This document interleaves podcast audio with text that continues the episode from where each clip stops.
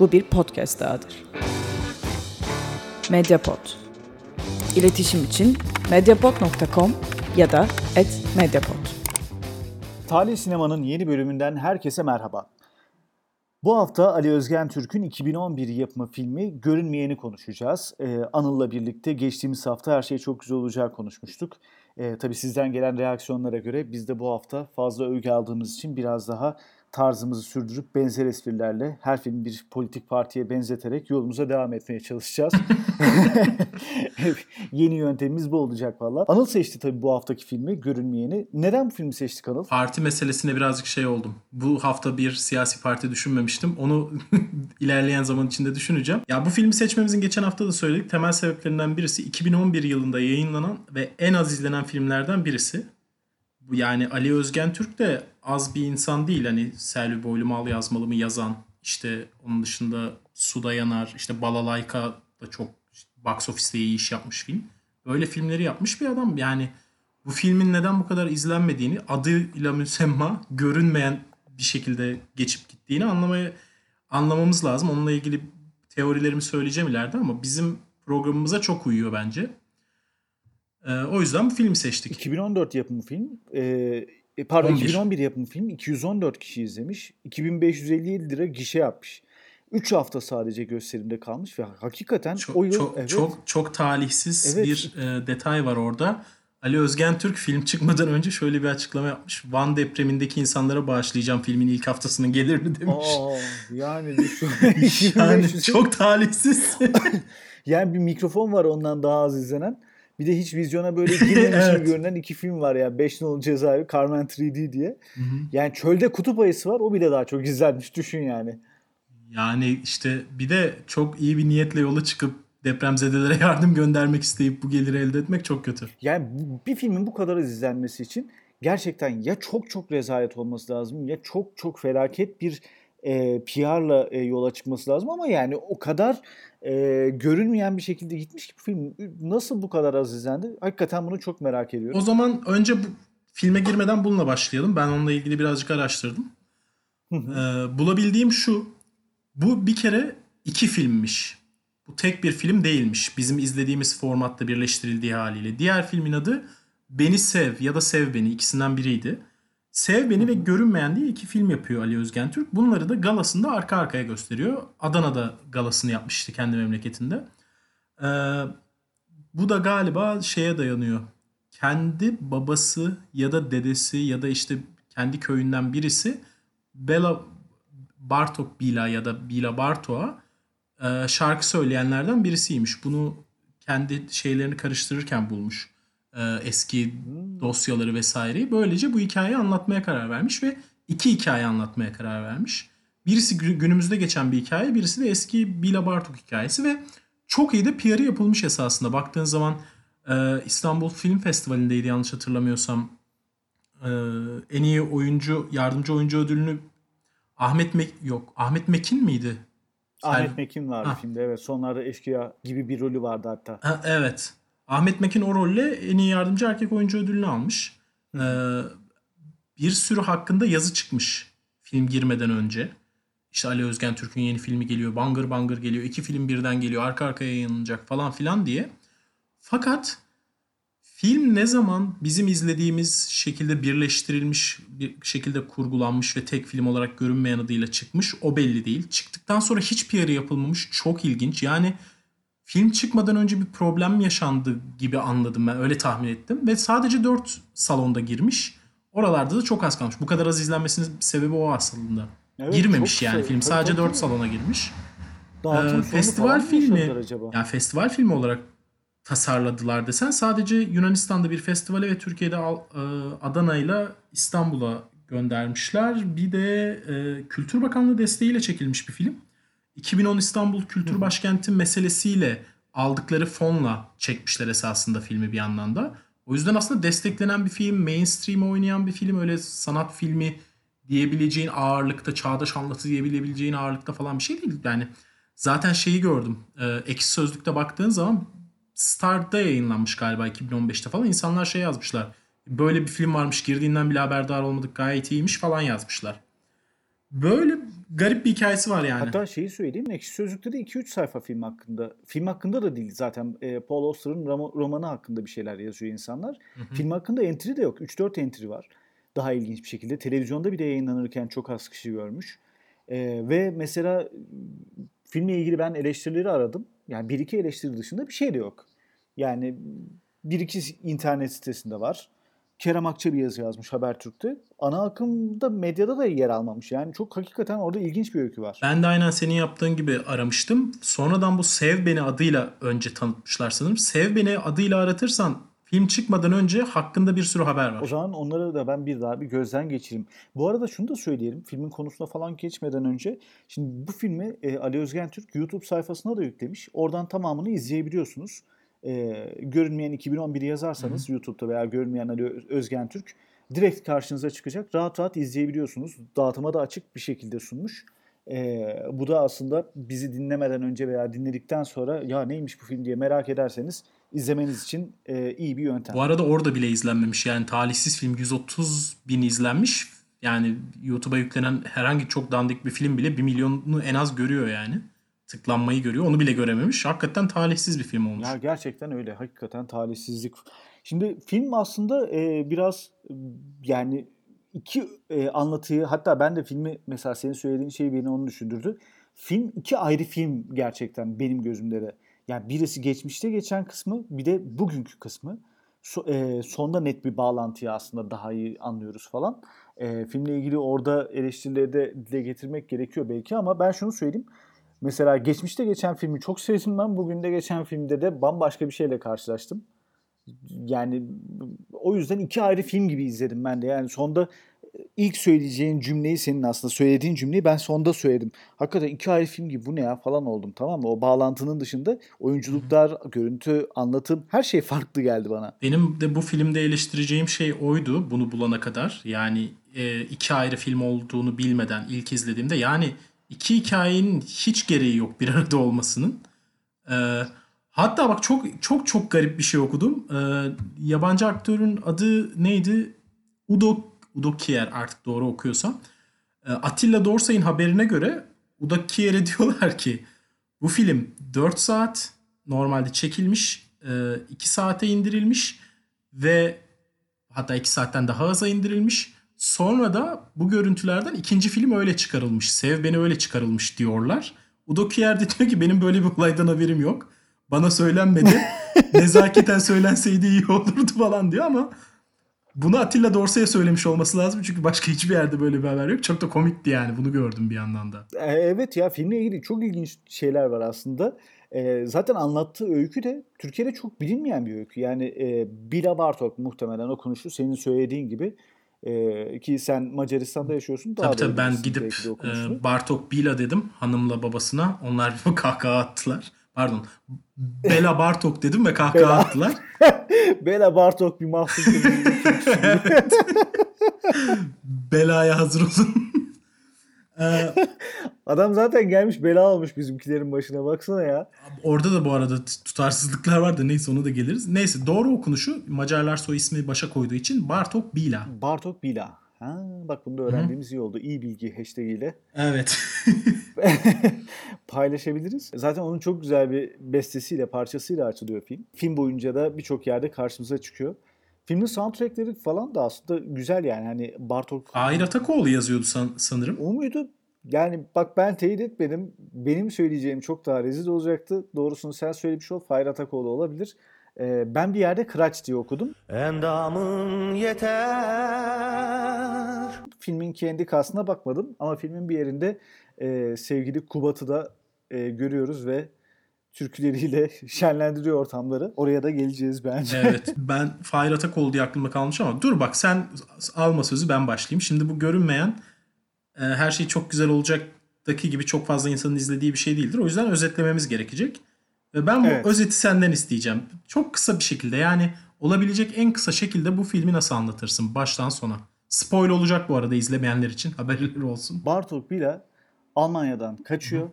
ve Türkiye'ye aslında Türkiye'nin müziğini, Türkiye'nin hayatını, kültürünü biraz da yaşamını anlamak için geliyor. Ama bu seyahat sırasında Türkiye'de birçok insanla bir araya geliyor. Onların şarkılarını kaydediyor, kültürünü e, gözlemliyor.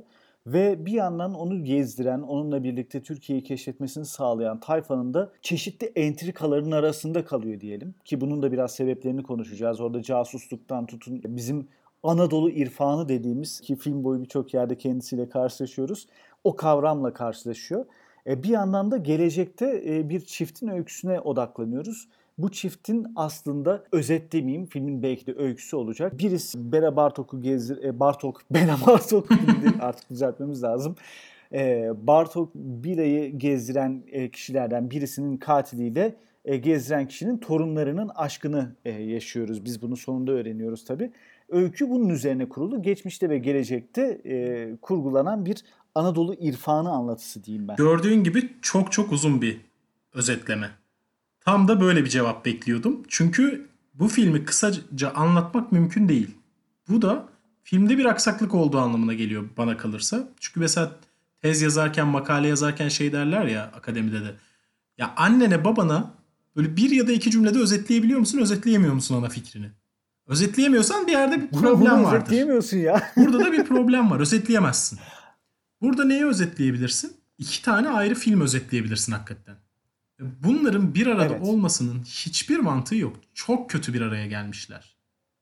Mesela evet e, bunları bir araya getiren bağlantı işte Bartok'a eşlik eden iki tane abimiz var. Bunlardan birisi diğerini öldürüyor filmin sonunda.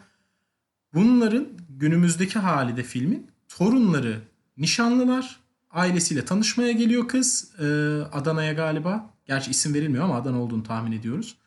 Adana'ya geliyorlar. Adana'da insanlar kızın dedesinin e, bu katil olduğunu öğreniyorlar. Ve kıza herkes çok çok anlamsız bir şekilde soğuk davranmaya başlıyor. Hani ya orası çok komik. Onları konuşmak lazım. Acayip işler ya. İkinci filmde akmayan pek, pek çok şey var esasında hakikaten. Oyunculuklar da çok kötü. İki oyuncu da yani hem Hakan Eratik hem e, hem de ne kadar kötüler. Kızın adını hatırlamıyorum bile yani. Ben bakmadım bile. İkisi de çok kötüler. Evet yani ikisi evet. de çok kötüler. Oyunculuktan dolayı da çok mahvolmuş muhtemelen ama şeyin bu arada yani çocuğun annesi de çok kötü. Ya ikinci filmdeki Halil Ergün dışında herhalde iyi oyuncu yok. Ya Halil Ergün de sadece türkü çığırıyor kenarda. Evet. Yani iki türkü çığırıyor. Yani oyunculuğu yok zaten. Tabii tabii yani hani. Filmde. Tam tersi birinci filmde de yani 1936'yı anlatan filmde de Gürgen Öz özellikle şahane oynamış. Yani hiç beklemediğim kadar. Ben ona çok şaşırdım. Yani ben e, en sonunda hatta oturup filme bakarken ya e, bir dramın içinde Gürgen Öz ne alaka diyorsun ama adam gayet de iyi oynamış ya, bir de ve şaşırtıyor. Bu Instagram'a attığı kötü kötü aşırı abartılı mimikli foto şeyleri var ya videoları var ya onları izleyip bu kadar incelikli bir oyunculuk görmek gerçekten beni şok etti onu söyleyeyim yani. Evet filmin sürpriziydi ya. Gerçekten filmin Filmin en iyi oyuncusu hiç şüphesiz ve filmin en ilginç karakteri bu arada. Evet.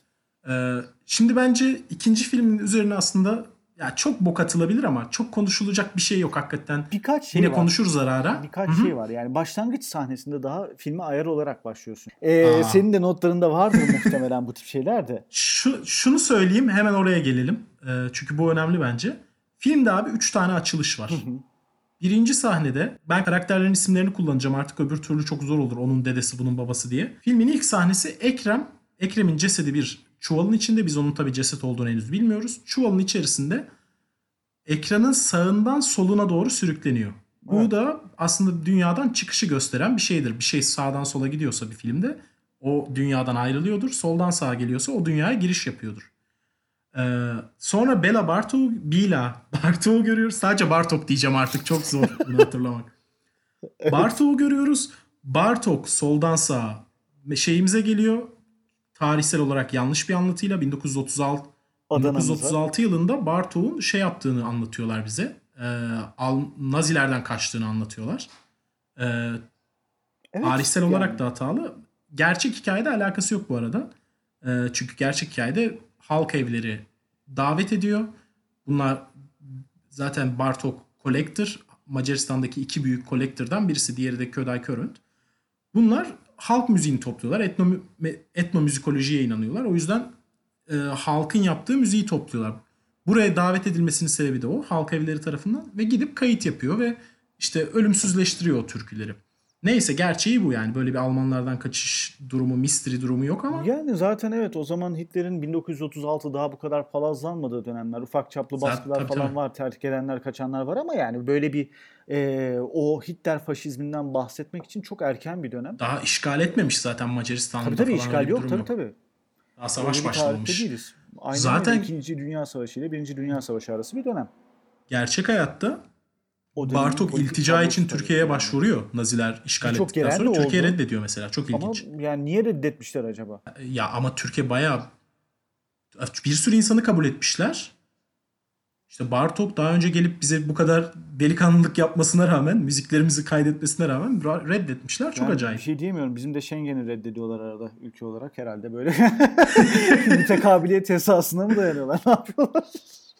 Vallahi Geçen de Suavi'ye ekşi vermediler sözlüğe ya. bakarsan, Onun intikamı mıydı acaba? ha, ekşi sözlüğe bakarsan dedikodu şey Adnan Saygun muydu? Adnan Saygun muydu adamın? Galiba.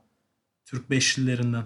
Onun istemediği de neyse çok dedikoduya Evet, giriyoruz. Kaldığım yerden devam ediyorum. İkinci açılış sahnesi Bartok'un Türkiye'ye gelirken işte hüzünlü konuşma yapması, Almanya'dan kaçıyorum falan demesi. Bu arada ilginç bir şekilde Bartok'un iç sesi Evet, Almanca. ba- e, Yani bu adam Macar. Ve ortak dilde İngilizce. İngilizce daha o dönemde büyük bir şey yakalamış durumda Evet. değil. Her şey garip o yüzden. konuşuyor falan böyle birçok dili konuşabiliyor. Çok da maharetli o konuda. Evet. Evet zaten gerçek hayatta biliyordur. Ve üçüncü sahne senin konuşacağın sahne. Buyur sen anlat. Ya o sahne çok büyük bir rezalet aslında ya. Şimdi tutarsızlıklar barındırıyor. Ee, şimdi herhalde bir yere bağlayacak diye düşündüm filmin ilerleyen kısımlarında. Başta şeyi e, zannet görüyoruz. Çift trende e, hatta Bartok'tan geçiyor aynı tren sahnesinin bugünkü halinde. Yeni evlendiler de yola gittiler mi acaba? Hani e, bir kanlı çarşaf sahnesi var orada. Şimdi e, kanlı çarşafın Türkiye anlatısındaki yeri çok bellidir. E, işte bekaret bozma e, dediğimiz kavramın şeyidir. Bu çarşafı ne yapalım? İşte saklayalım mı, atalım mı falan filan bir polemik var. Şimdi herhalde yeni evlendiler falan diyorsun. E, aa, bir cümle sonra görüyoruz ki kızı ailesiyle tanıştırmaya götürüyor. E, sonra bakıyoruz bunlar aslında sanki ilk sevişme de değil gibi falan böyle bir abuk subuk bir şey var orada.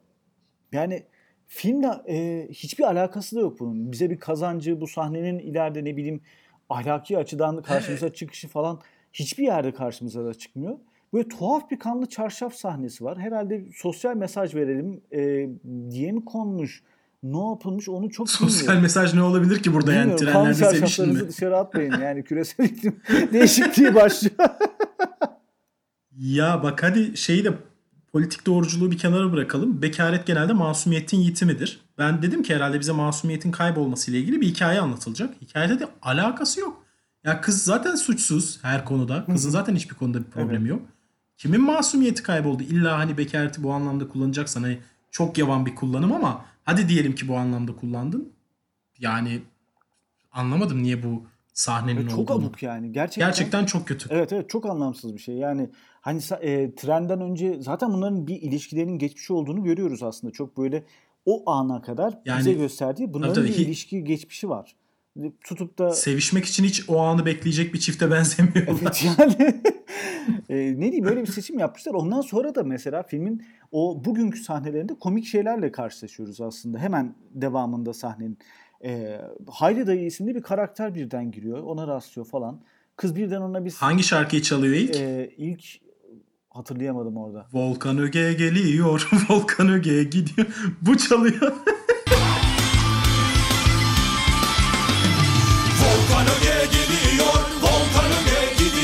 Ya e, kız birden ona sıcak kanlı davranıyor. Ata binip gidiyor. Adam binerken diyor daha da bulamazsın kızı falan filan bir geyiği yapıyor tamam mı? Aa sen onu diyorsun. Ee, Tamam ben yemek sahnesi zannettim. Yemekten de önce. Aha yok yok yok. Yani e, çok çok komik. Sonra mesela şey kalabalık bir aile masası hemen bir kare sonrası daha geçmişe gitmiyor bu arada. E, orada bir e, adam türkü çalmaya başlıyor.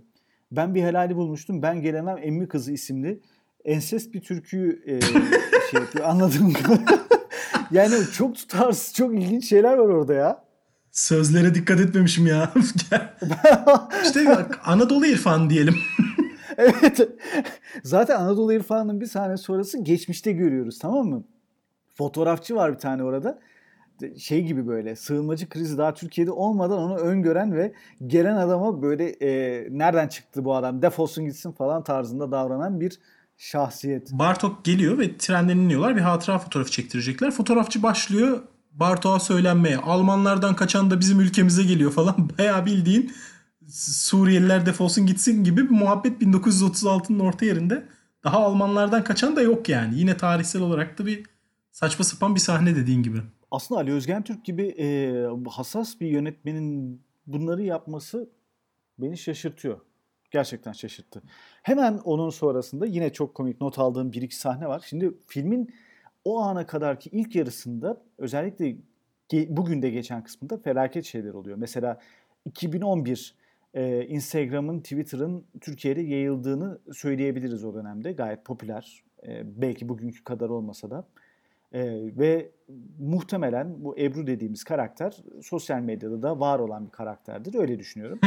e, Nazım Hikmet'i ilk defa duyuyor. Nazım mı? Kim o falan sahnesi. Sonra ha Nazım. Aa yok ya.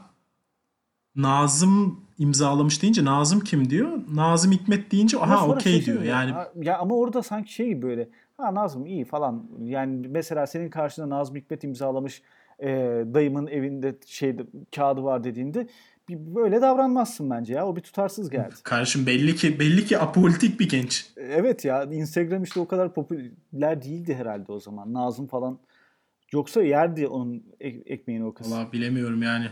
Kız bekaretini yeni kaybetti ama yani daha ya. gözleri açılmadı dünyaya biliyorsun. Evet ya. Daha mevzuyu bilmiyor.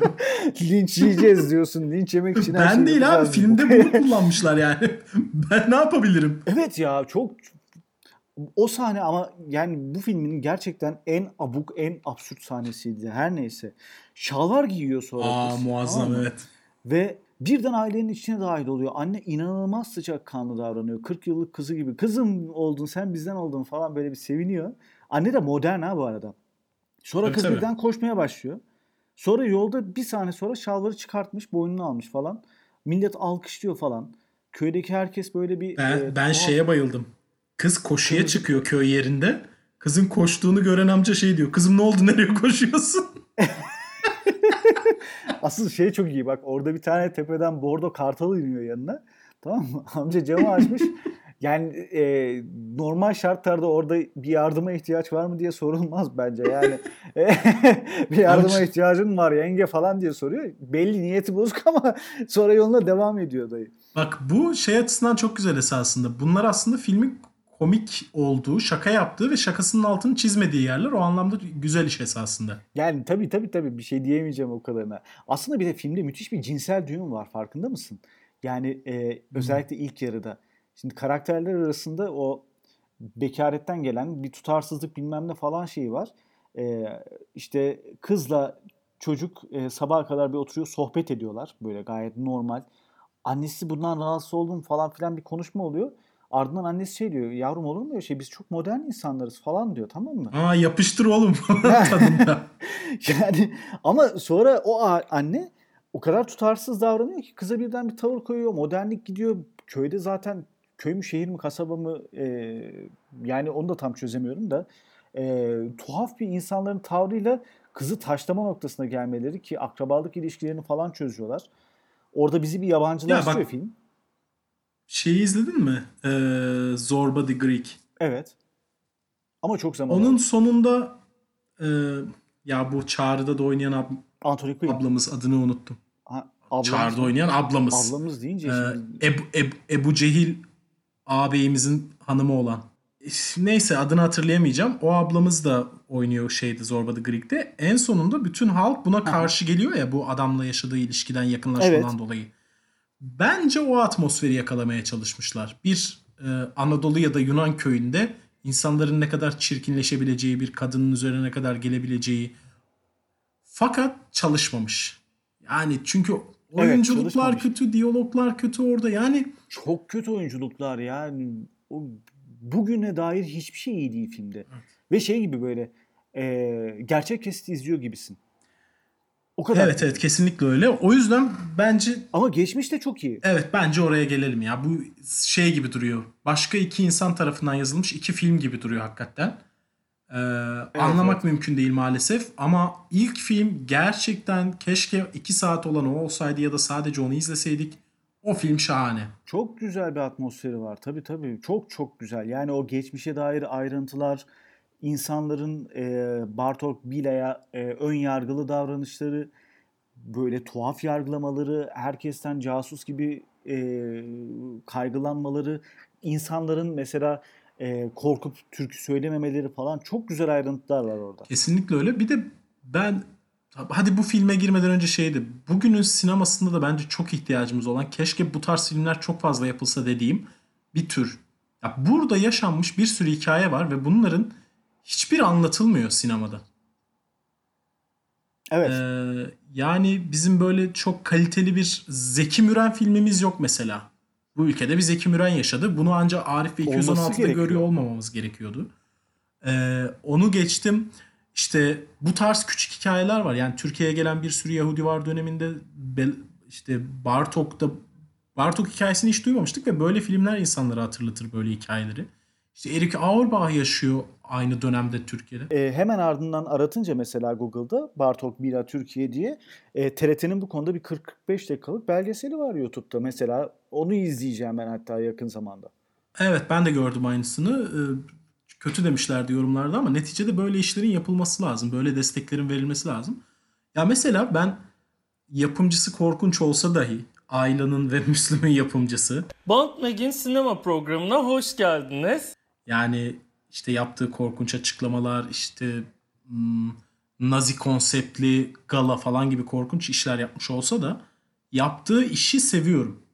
Yap, bu, arada bu yaptığı işlerin arasında sadece Aileyi izledim ama Ayla da kötü bir filmdi bu arada. Fikrini Fakat seviyorum bu- diyorsun. Bu fikirleri, bu hikayelerin anlatılması lazım ama bu hikayeler üstü kapatılamaz. Mesela e, Kelebeğin Rüyası. Ya Mesela böyle bir hikayenin anlatılması lazım. Şahane oldu. İşte Evet. Ayla, işte Halis Karataş, Müslüm Gürses. İşte şimdi hmm, şeyin filmini yapıyor. Cep Herkülü. Ay, Ha, unuttum ha, gerçekten. Naim Süleymanoğlu. Naim Süleymanoğlu filmi yapılması lazım ya. Kimse yapmıyor. Birilerinin yapması, birilerinin bu hikayeleri mainstream'de anlatması lazım. Çünkü alternatifi Türkiye'de sadece ve sadece karakter komedisi. Yani işte Recep İvedikler, Deli Halar, bilmemler. Bunlar artık bir tane karakter var. Başına olmayacak salak saçma işler geliyor ve o salak saçma tepkiler veriyor. Sinema bunlarla dolu. Yani insanlar hikayeyi izleyemezmiş gibi. O yüzden ben bunu çok önemsiyorum. O yüzden bu şeyin de olması bu Bela hikayesinin Bila hikayesinin anlatılmasında o yüzden çok her şeyden önce çok hoşuma giderek izledim yani. Acayip Ve keyif aslında aldım. iyi hikaye e, izleyici tarafından izleniyor bu film hariç bu arada. Yani e, güzel bir hikaye anlatısı koyduğunda ortaya bizim izleyici e, gidiyor onu takip etmeye çalışıyor elinden geldiğince. Ya bu her zaman böyledir. İyi hikaye anlatırsan izlenir yani.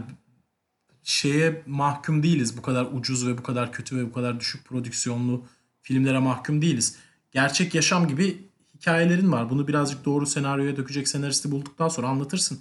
Hikayeden çok ne var yani? Evet evet. Bartok'un Türkiye'ye gelmeye karar verdiği sahne ile ben o zaman bu geçmişin perdesini açmak istiyorum. Gerçi fotoğrafçıyı da konuştuk ama burada mutlaka ele alınması gereken şeylerden birisi. Filmin 30. dakikası diye not almışım. Fransızca mekanda konuşuyor ve artık orada Führer'in yükselişi e, kurgusal bir tarihte anlatılıyor.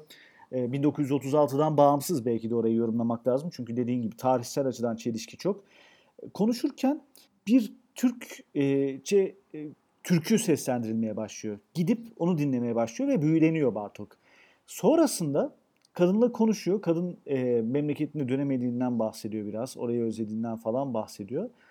Sonra orada ilginç bir şey oluyor. Bunun belki de kamera açısından anlamını sen yorumlarsın.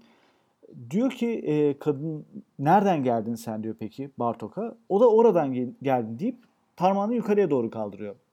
Şimdi kamera gökyüzüne doğru dönüyor orada. Bana orayı anlat deme, edi- diyor kadın. Sonra kamera tekrar aşağıya iniyor. Kadın yok. Gitmiş yani. Neden böyle bir sahne var onu ben çözemedim. Ya kadın bir tabii Bartok'un hayali miydi meselesi var. İki ya uzaklaşıp gittim. Hakikaten orayı ben de niye kadını o şekilde sahneden çıkarttılar bilmiyorum. Ya da işte bize e, zaman geçti ve o diyalog bitti.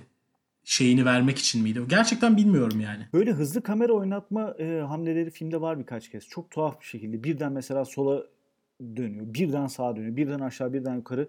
Tuhaf e, hamleler var. Mutlaka bir düşündüğü vardır ama Güzel, çok iyi anlatılan, sözsüz geçilen ve sadece görselle anlatılan da çok güzel yerler var bu arada. Yani o açıdan da çok beğendim eski halini.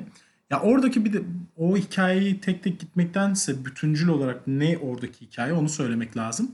tabii tabii tabii. Şimdi Ekrem ve Erol diye iki kişi var. Ek, e, Ekrem bir köy öğretmeni, idealist köy öğretmeni işte solcu, Nazım'la falan işte Nazım hayranı. Solcu bazı örgütlenmeler de yapıyor galiba. Müzisyen. Diğeri de Erol. Erol hem müzisyen hem asker hem de devletin ajanı olarak e, işte bu Bartok köyleri geziyor ama bu Türkiye'de de bir ajanlık korkusu var. Acaba bizim bilgilerimizi mi topluyor falan kafası var. O yüzden Bartok'un peşine takılan adam. Ama müzisyen kılığında tabii ki de geliyor. Yani Bartok'a size yardım edecek müzisyenler bunlar diye gelen müzisyenler Ekrem ve Erol. Erol da devletin adamı. Şimdi bence şu açıdan çok çok çok iyi bir film. Erol'un motivasyonu. Ee, esasında devletin adamı olarak Ekrem'i izliyor. Ekrem'in ülkeden kaçmamasını vesairesini gözetliyor. Aynı zamanda da Bartok'un yanında yer alıyor. Hem onun güvenliğini sağlıyor hem de e, bilgi topluyor mu vesaire bir ajan mı diye görmeye çalışıyor. Fakat çok güzel bir sahne var. Erol tek başına bir e, piyano çalıyor. Kendi bestesi. Ekrem geliyor. Evet. Ona eşlik ediyor. Onun bestesini yeniden çalıyor. Ve orada Erol ikili bir duygu yaşıyor. Hem çok etkileniyor Ekrem'den. Çünkü Ekrem kendi müziğine e, iltifat etmiş oluyor. Hem de bir yandan da çok kıskanmaya başlıyor. Ve Gürgen Öz gerçekten bunu çok iyi oynamış. Yani Türkiye'de genelde yanlış yapılan işlerden birisi aktörlerin mesela tiyatro oyuncuları sinemada çok yer aldığı için büyük büyük oynarlar. Elleriyle, kollarıyla yani yorar seni kameranın önünde. Fakat e, sinema kamera önü oyunculuk dediğin mesela yakın planda yüzünle oynamayı bileceksin. Ellerinle, kollarınla hareket etmeyeceksin. Ve yüzünle bu duyguların hepsini veriyor olman, verebiliyor olman lazım. Ve Gürgen Öz bunu o kadar iyi yapmış ki o sahnede hem gıpta ettiğini hem de e, kıskandığını hem se- sevmekle kıskanmak arasında kaldığını çok iyi veriyor. Ve e, çok daha ilerleyen bir sahnede bu arada Bartok bizim ana hikayemiz değil ana figürlerimizden biri olsa da ana hikayemiz Ekrem ve Erol üzerinden geçiyor ve Erol bizim ana karakterimiz esasında. Evet. Ee, sonlara doğru şöyle bir sahne oluyor. Ee, biliyorsun Cumhuriyet'in ilk döneminde işte batılı müzik e, promote ediliyor diyelim. Halk müziğine karşı bir yavan olduğuna dair bir bakış açısı var. Vali de tam böyle bir adam devleti tes- temsil eden. İşte Bartok'a ne kaydettiğini soruyor. Bartok çalıyor. Halk müziklerinden çok etkilenmiş Bartok. Ne kadar güzel değil mi diyor. Vali sinirleniyor mesela. Çünkü o istemiyor onu duymayı. Bartok Evet. gelmiş koca e, Macar besteci. Ve piyano çalmasını istiyor. Ne kadar işte kültürlü olduğunu falan kanıtlamaya çalışıyor Bartok'a. Tam bir bürokrat çiğliğiyle orası da çok güzel. Sonra bunları beğenmeyince Ekrem aslında iyi bir şey yapmak isteyerek diyor ki Erol çalsın. Ee, Erol'un çok güzel bir bestesi var. Hem Bartok'a dinletmiş oluruz hem de işte bizim Türkiye'de böyle modern şeyler, müziklerde yapılabildiğini kanıtlamış oluruz gibi bir e, şeyle Erol'u öne sürüyor. Fakat Erol heyecanlanıp çalamıyor piyanoyu. Çok kötü Evet. çalıyor. Vali de bunu kovuyor. Erol gidiyor. Yazdığı notaları nehirden dışarı aşağı atıyor ve o an anlıyoruz ki Erol'un o ikili durumu bir öfkeye dönüşüyor. Ee, ve Ekrem'i öldürmeye karar veriyor esasında o anda. Ve Ekrem'i devlet tarafından suçlayabileceği bir e, o yöntemi anlatmaya gerek yok herhalde ama bir yöntemle Ekrem'i suçluyor. Hatta vali şey diyor ya bu adam bu kadar zararlıysa biz niye bunu hemen içeri atmıyoruz diyor. Şey diyor ki yok yok böylesi iyi. Ve Ekrem aslında öleceğini bile bile işte o kutu verme muhabbeti var. Onun artık detayına girmeyelim ama neredeyse intihar ediyor yani. Son gecesini geçirdiğini biliyor. Bele e, Bartok'a elveda diyor neredeyse. Tabii. Orada muazzam bir gerilim var. Yani Ve yine soldan bir çıkış var orada da sahneden ve son veda böyle çok evet. çok ve- güzel göstermiş mesela orayı. Yani insani duyguların işte Erol'un yaşadığı o kıskançlığın nasıl devletin verdiği güçle başka bir insanın üzerinde kullanılabileceğini aslında hiçbir kendisine düşmanca bir şey yokken insanın kıskançlık duygusunun insanı nasıl bitireceğini falan inanılmaz iyi anlatan bir film mesela orası. O yüzden zaten hani beni sinir eden durum o. Bu kadar harika bir filmle, bu kadar iyi anlatılmış, iyi yazılmış, iyi çekilmiş bir filmle o günümüzde geçen ucube filmin neden bir araya getirdik? Ben de onu çok merak ettim.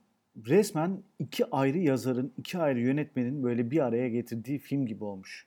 Ha sonundaki bağlantı e, kısmında o mektubun ortaya çıkmasıyla beraber e, kızın Ebru'nun e, sevgilisine Recep'e yazdığı mektupla beraber o ayrılık mektubu orada bir e, bugünün anlatısı bir yere oturuyor. Nihayetinde. Ama orada da şöyle bir problem var. Biz günümüzde geçen hikayenin geçmişte geçendeki e, şeyleri nasıl diyeyim?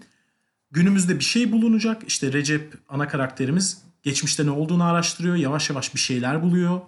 E, biz de flashbacklerle destekliyoruz. Geçmişteki hikayede akmaya başlıyor. Böyle bir paralellik var. E, ama sonunda ne oluyor? Bizim flashback'imizde Ekrem öldürülüyor, çuvala konulup dereye atılıyor. Bu flashback bittikten sonra biz Recep'in vasıtasıyla öğreniyoruz şeyi. Şimdi orada da bir terslik var. Şimdi çünkü o zaman da gösterememiş olacaktın. Kötü bir şey yapmış olacaktın. O yüzden iki hikaye aslında oturmuyor bence o anlamda. Evet zaten oturmuyor da en azından bir para bir bağlantı nihayet kuruyor doğru düzgün onu diyeyim. Yani e, zaten bugünün öyküsü gerçekten Bir şekilde bağlıyor diyelim. Gerçekten anlatmaya değecek bir öykü değil. Kızı taşlamalarından tut işte o şal var muhabbetine çarşafına ne kadar saçma sapan işler e, abuk subuk şeylerle karşılaşıyoruz. Ama geçmişin anlatısı da onun 180 derece zıttı çok daha kaliteli, çok daha nitelikli bir iş olarak karşımıza çıkıyor. Mesela arada çok küçük bir detay sahne olarak söyleyeyim. Ee, bir asker orada yani halk söylemekten korktuktan sonra birkaç kişi e, getirdikten sonra bir asker Zeynep'in türküsünü söylüyor. Ee, orada hatta arkadan maskeli bir adam geliyor. Asasin gibi. Bak onu hiç anlamadım. Ee, yani ben de neden geldiğini anlamadım ama onun hikayesi mesela bir hikaye anlatmaya çalıştı. Bela Bartok, e, be, hep Bela Bartok diyoruz ya. Bunu çözmek lazım da. Bartok da geç. E, Bartok'a bir hikaye anlatmaya çalışıyor. Ve orada bir e, farklı dram unsurunu görüyoruz. Ama yani o karakterin neden Assassin gibi geldiğini ben çözemedim birden. Yani o o da bir anlamsız geldi. Hiçbir yere de bağlanmadı o karakter. Evet, ya evet. biz anlamadık ya, ya ya da ama sanki bağlanmadı filmde hiçbir şey bağlanmadı, göstermediler. bağlanmadı. Mesela şey de öyle. E, kadınlar böyle düğünleri, Türk düğünlerinin adetinin işte o silah atılma sahnesi vardı. Orada da kadınlar da kaçıştı falan bir böyle tuhaf bir şey oldu. Abi o zaman işte Atilla Dorsay'ın dediği gibi bu film 4 saatti. İki filmi birleştirerek ikiye indirmeye çalıştılar ya orada aslında güzel olan filmi elediler. Yani. Evet galiba bazı sahneler kopmuş. Belki de vardı bu Çünkü bağlantılar. mesela şey falan da günümüz öyküsünde de bakıyorsun Ebru ile Recep kavga ediyor mesela bir sahnede. Sonra birden bir karanlığa geçiyor film. Ardından bambaşka bir döneme geçmiş falan böyle. Ne ara geçti, ne oldu falan böyle e, çok fazla şey var. Ama filmde unutulmayacak bazı sahneler de var ki sen de onu direkt paylaşmıştın hatta biz bu filmi duyururken. E, Kubat'ın çaldığı Türkiye eşliğinde Bartok'un göbek atma sahnesi bence bu, bu filmin en özel sahnelerinden biri olabilir ya. Yani filmi izlemeyeceklerse bile benim Twitter adresime girip sadece o sahneyi seyredebilirler.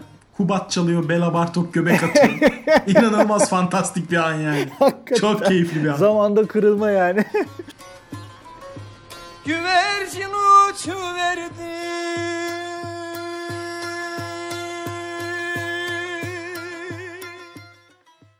yani nasıl düşünmüş onu Ali Özgen Türk bilmiyorum ama gerçekten güzel olmuş. Bu arada olabilecek bir şey yani. Öyle hani fantastik de dememin sebebi Tabii, şey tabii, değil. tabii. Olamaz diye değil. Ama çok eğlenceli yani.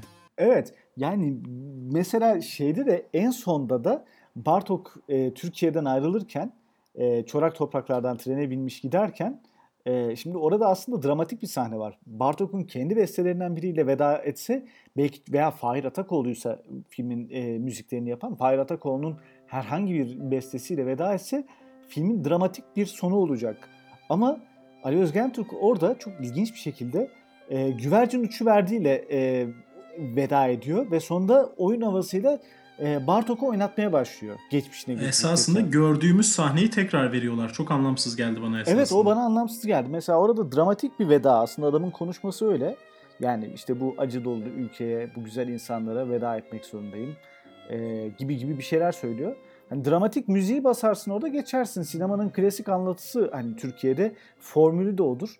Ama oraya gidip Hı. güvercin uçuverdi diye girdiğinde bir e, anlam karmaşası yaratıyor.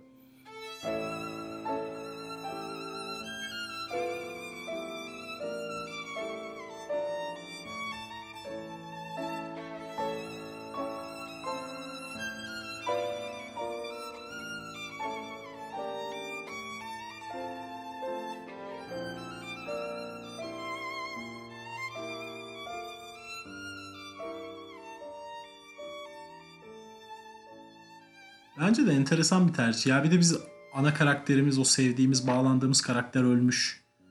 Ee, Evet. Hadi diyelim ki umursadık, çift ayrılmış bu olayların sonunda. Yani niye göbek attık en sonunda bir daha? yani anlamsız bazı şeyler var filmde.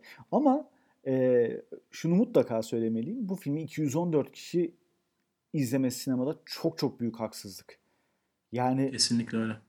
Ve e, dediğim gibi o hafta böyle o ahım şahım hani e, 50 film falan girmiyor vizyona. Yani biraz sinefillerin falan izlemesi gereken bir filmmiş. Festivallerde mi izlendi bu? Ayrım mı oldu? İşte orada başta biraz konuştuğumuz mevzular ama çok böyle arada kaybolmuş, e, kayıp bir film olmuş ya. Ya dediğim gibi başta tanıtımı yapılmış Yunanca bir sitede, bir Yunan sitesinde iki tane şey çıkmış, haber çıkmış. Bir tanesinde Ali Özgen Türk'ün bir röportajından alıntı var bu film üzerine ama o röportajı da bulamadım. Yani hakikaten materyal bulmak da çok zor. Yani Ali Özgen Türk'ün şu filmi anlattığı bir röportaja ihtiyacım vardı. Ya da işte diğer yazar Bilge Ebiri diye bir adam. O da ilginç bir abi bu arada. Onun da çektiği bir film varmış. Ee, bizim programa çok uyabilir. Ama önce izleyeceğim eğer güzelse alalım.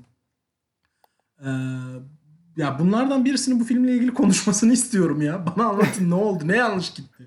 Yani Çünkü- değil mi? Niye olmadı? Biz de üzüldük. Kurgu çok kötü. Ge- ya, günümüzde geçen bütün sahneleri atsınlar. Ve e, bunu biliyor musun? Şeyde yaptılar mesela. Rocky 5 biliyorsun Rocky serisinde en kötü olarak anılan film. E, Evet. ve ilk filmin yönetmeni John G. Avildsen çekmişti.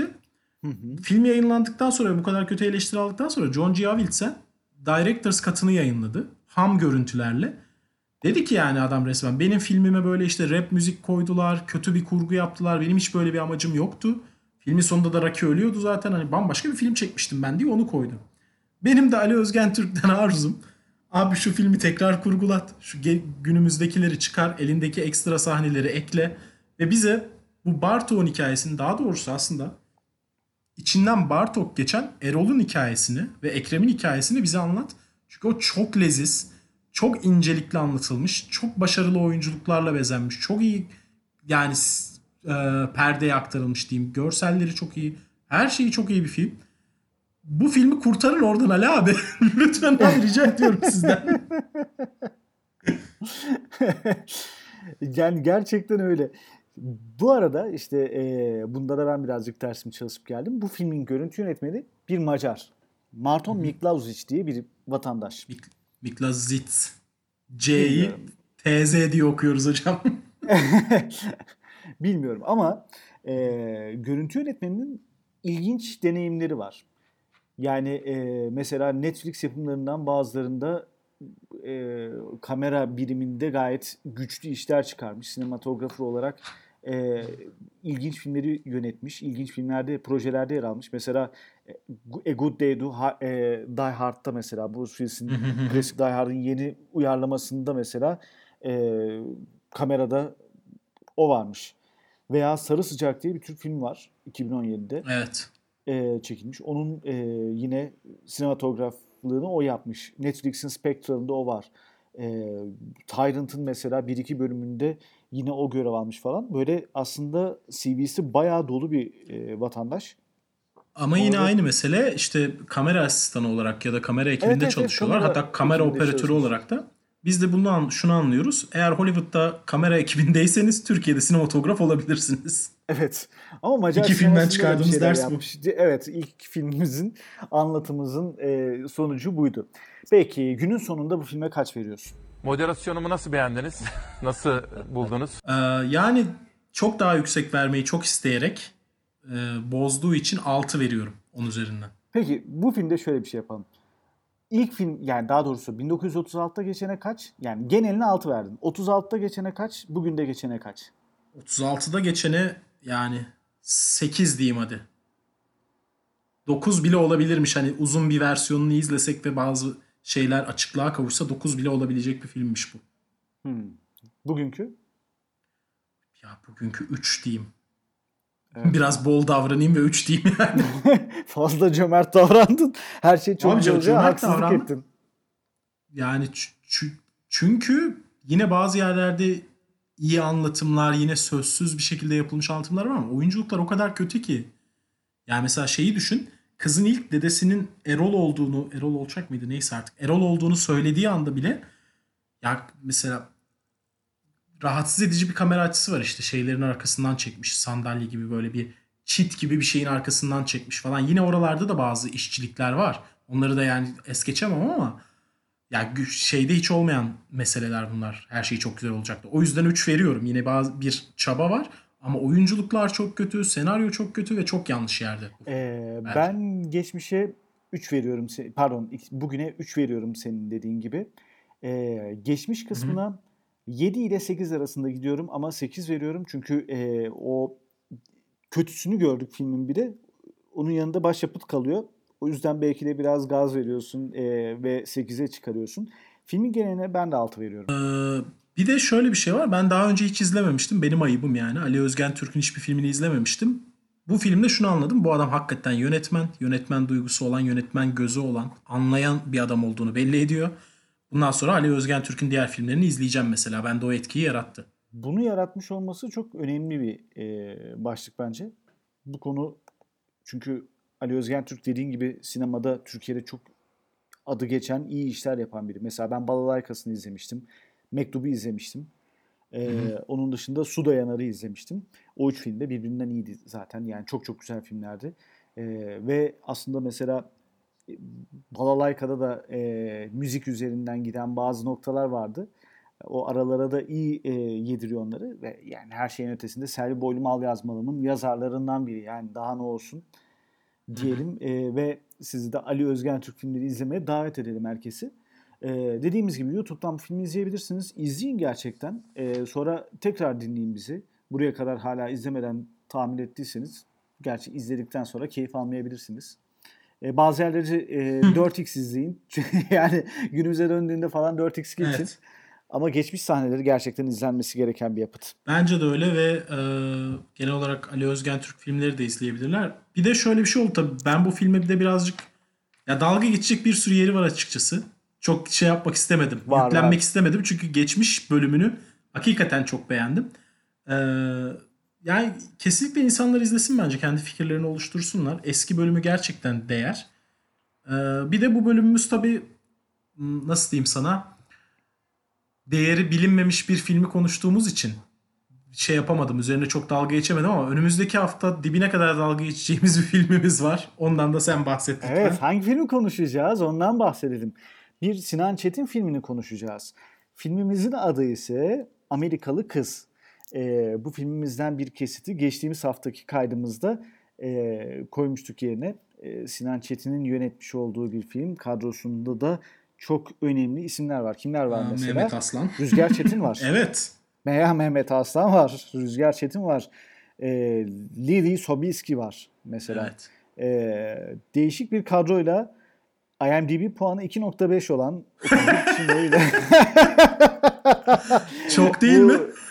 e, Valla ben tamamını izlemedim ama izlediğim sahnelerde 2.5 güzel bir e, sayı. Peki e, şimdi konsepti de izleyicimizin anlaması var. Bu da YouTube'da var bu arada. Rahat rahat izleyebileceğiniz Evet. film. E, 2018 yapım film. Bu arada onu da söyleyelim yani. Günümüz Değil. teknolojisi. Esasen e, film Bu çok Ha. uzun sürmüş bir film değil mi yani yapım falan ben öyle hatırlıyorum. Ya bu filmi 2009'da bitirmişler. E, Yankee Go Home adıyla da çıkartmışlar ya da çıkartamamışlar ama film uzun süre kalmış öyle.